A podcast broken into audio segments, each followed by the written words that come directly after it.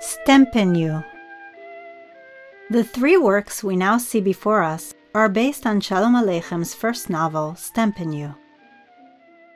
At the center of this story is Stempenyu, a married, talented fiddler who makes his living in a klezmer band playing at Jewish festivities.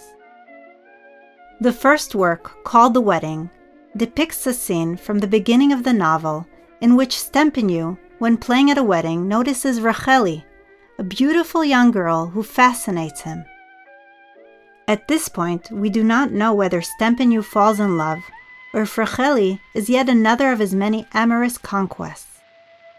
The second work, based on the next part of the novel, depicts a night scene. Stempenyu and his band play under the young woman's window. Though she is already betrothed to another man, Racheli is nevertheless moved by these expressions of affection, and for the first time in her young life, senses feelings of love.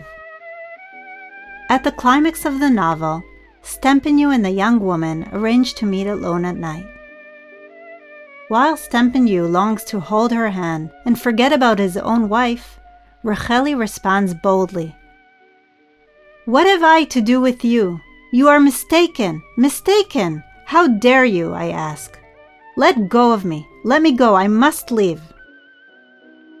Racheli proves to be a strong, assertive woman who bravely takes her destiny into her own hands. She decides to live in the big city with her fiance. And what about Stempenyu? He returns home to his wife, sad and disappointed, the violin his only friend. Shalom Aleichem ends the story with beautiful words of parting. Play, Stempenyu. Take your fiddle, turn your back to the wall, and play. Play prisoner in a cage, and we will listen and hear your music.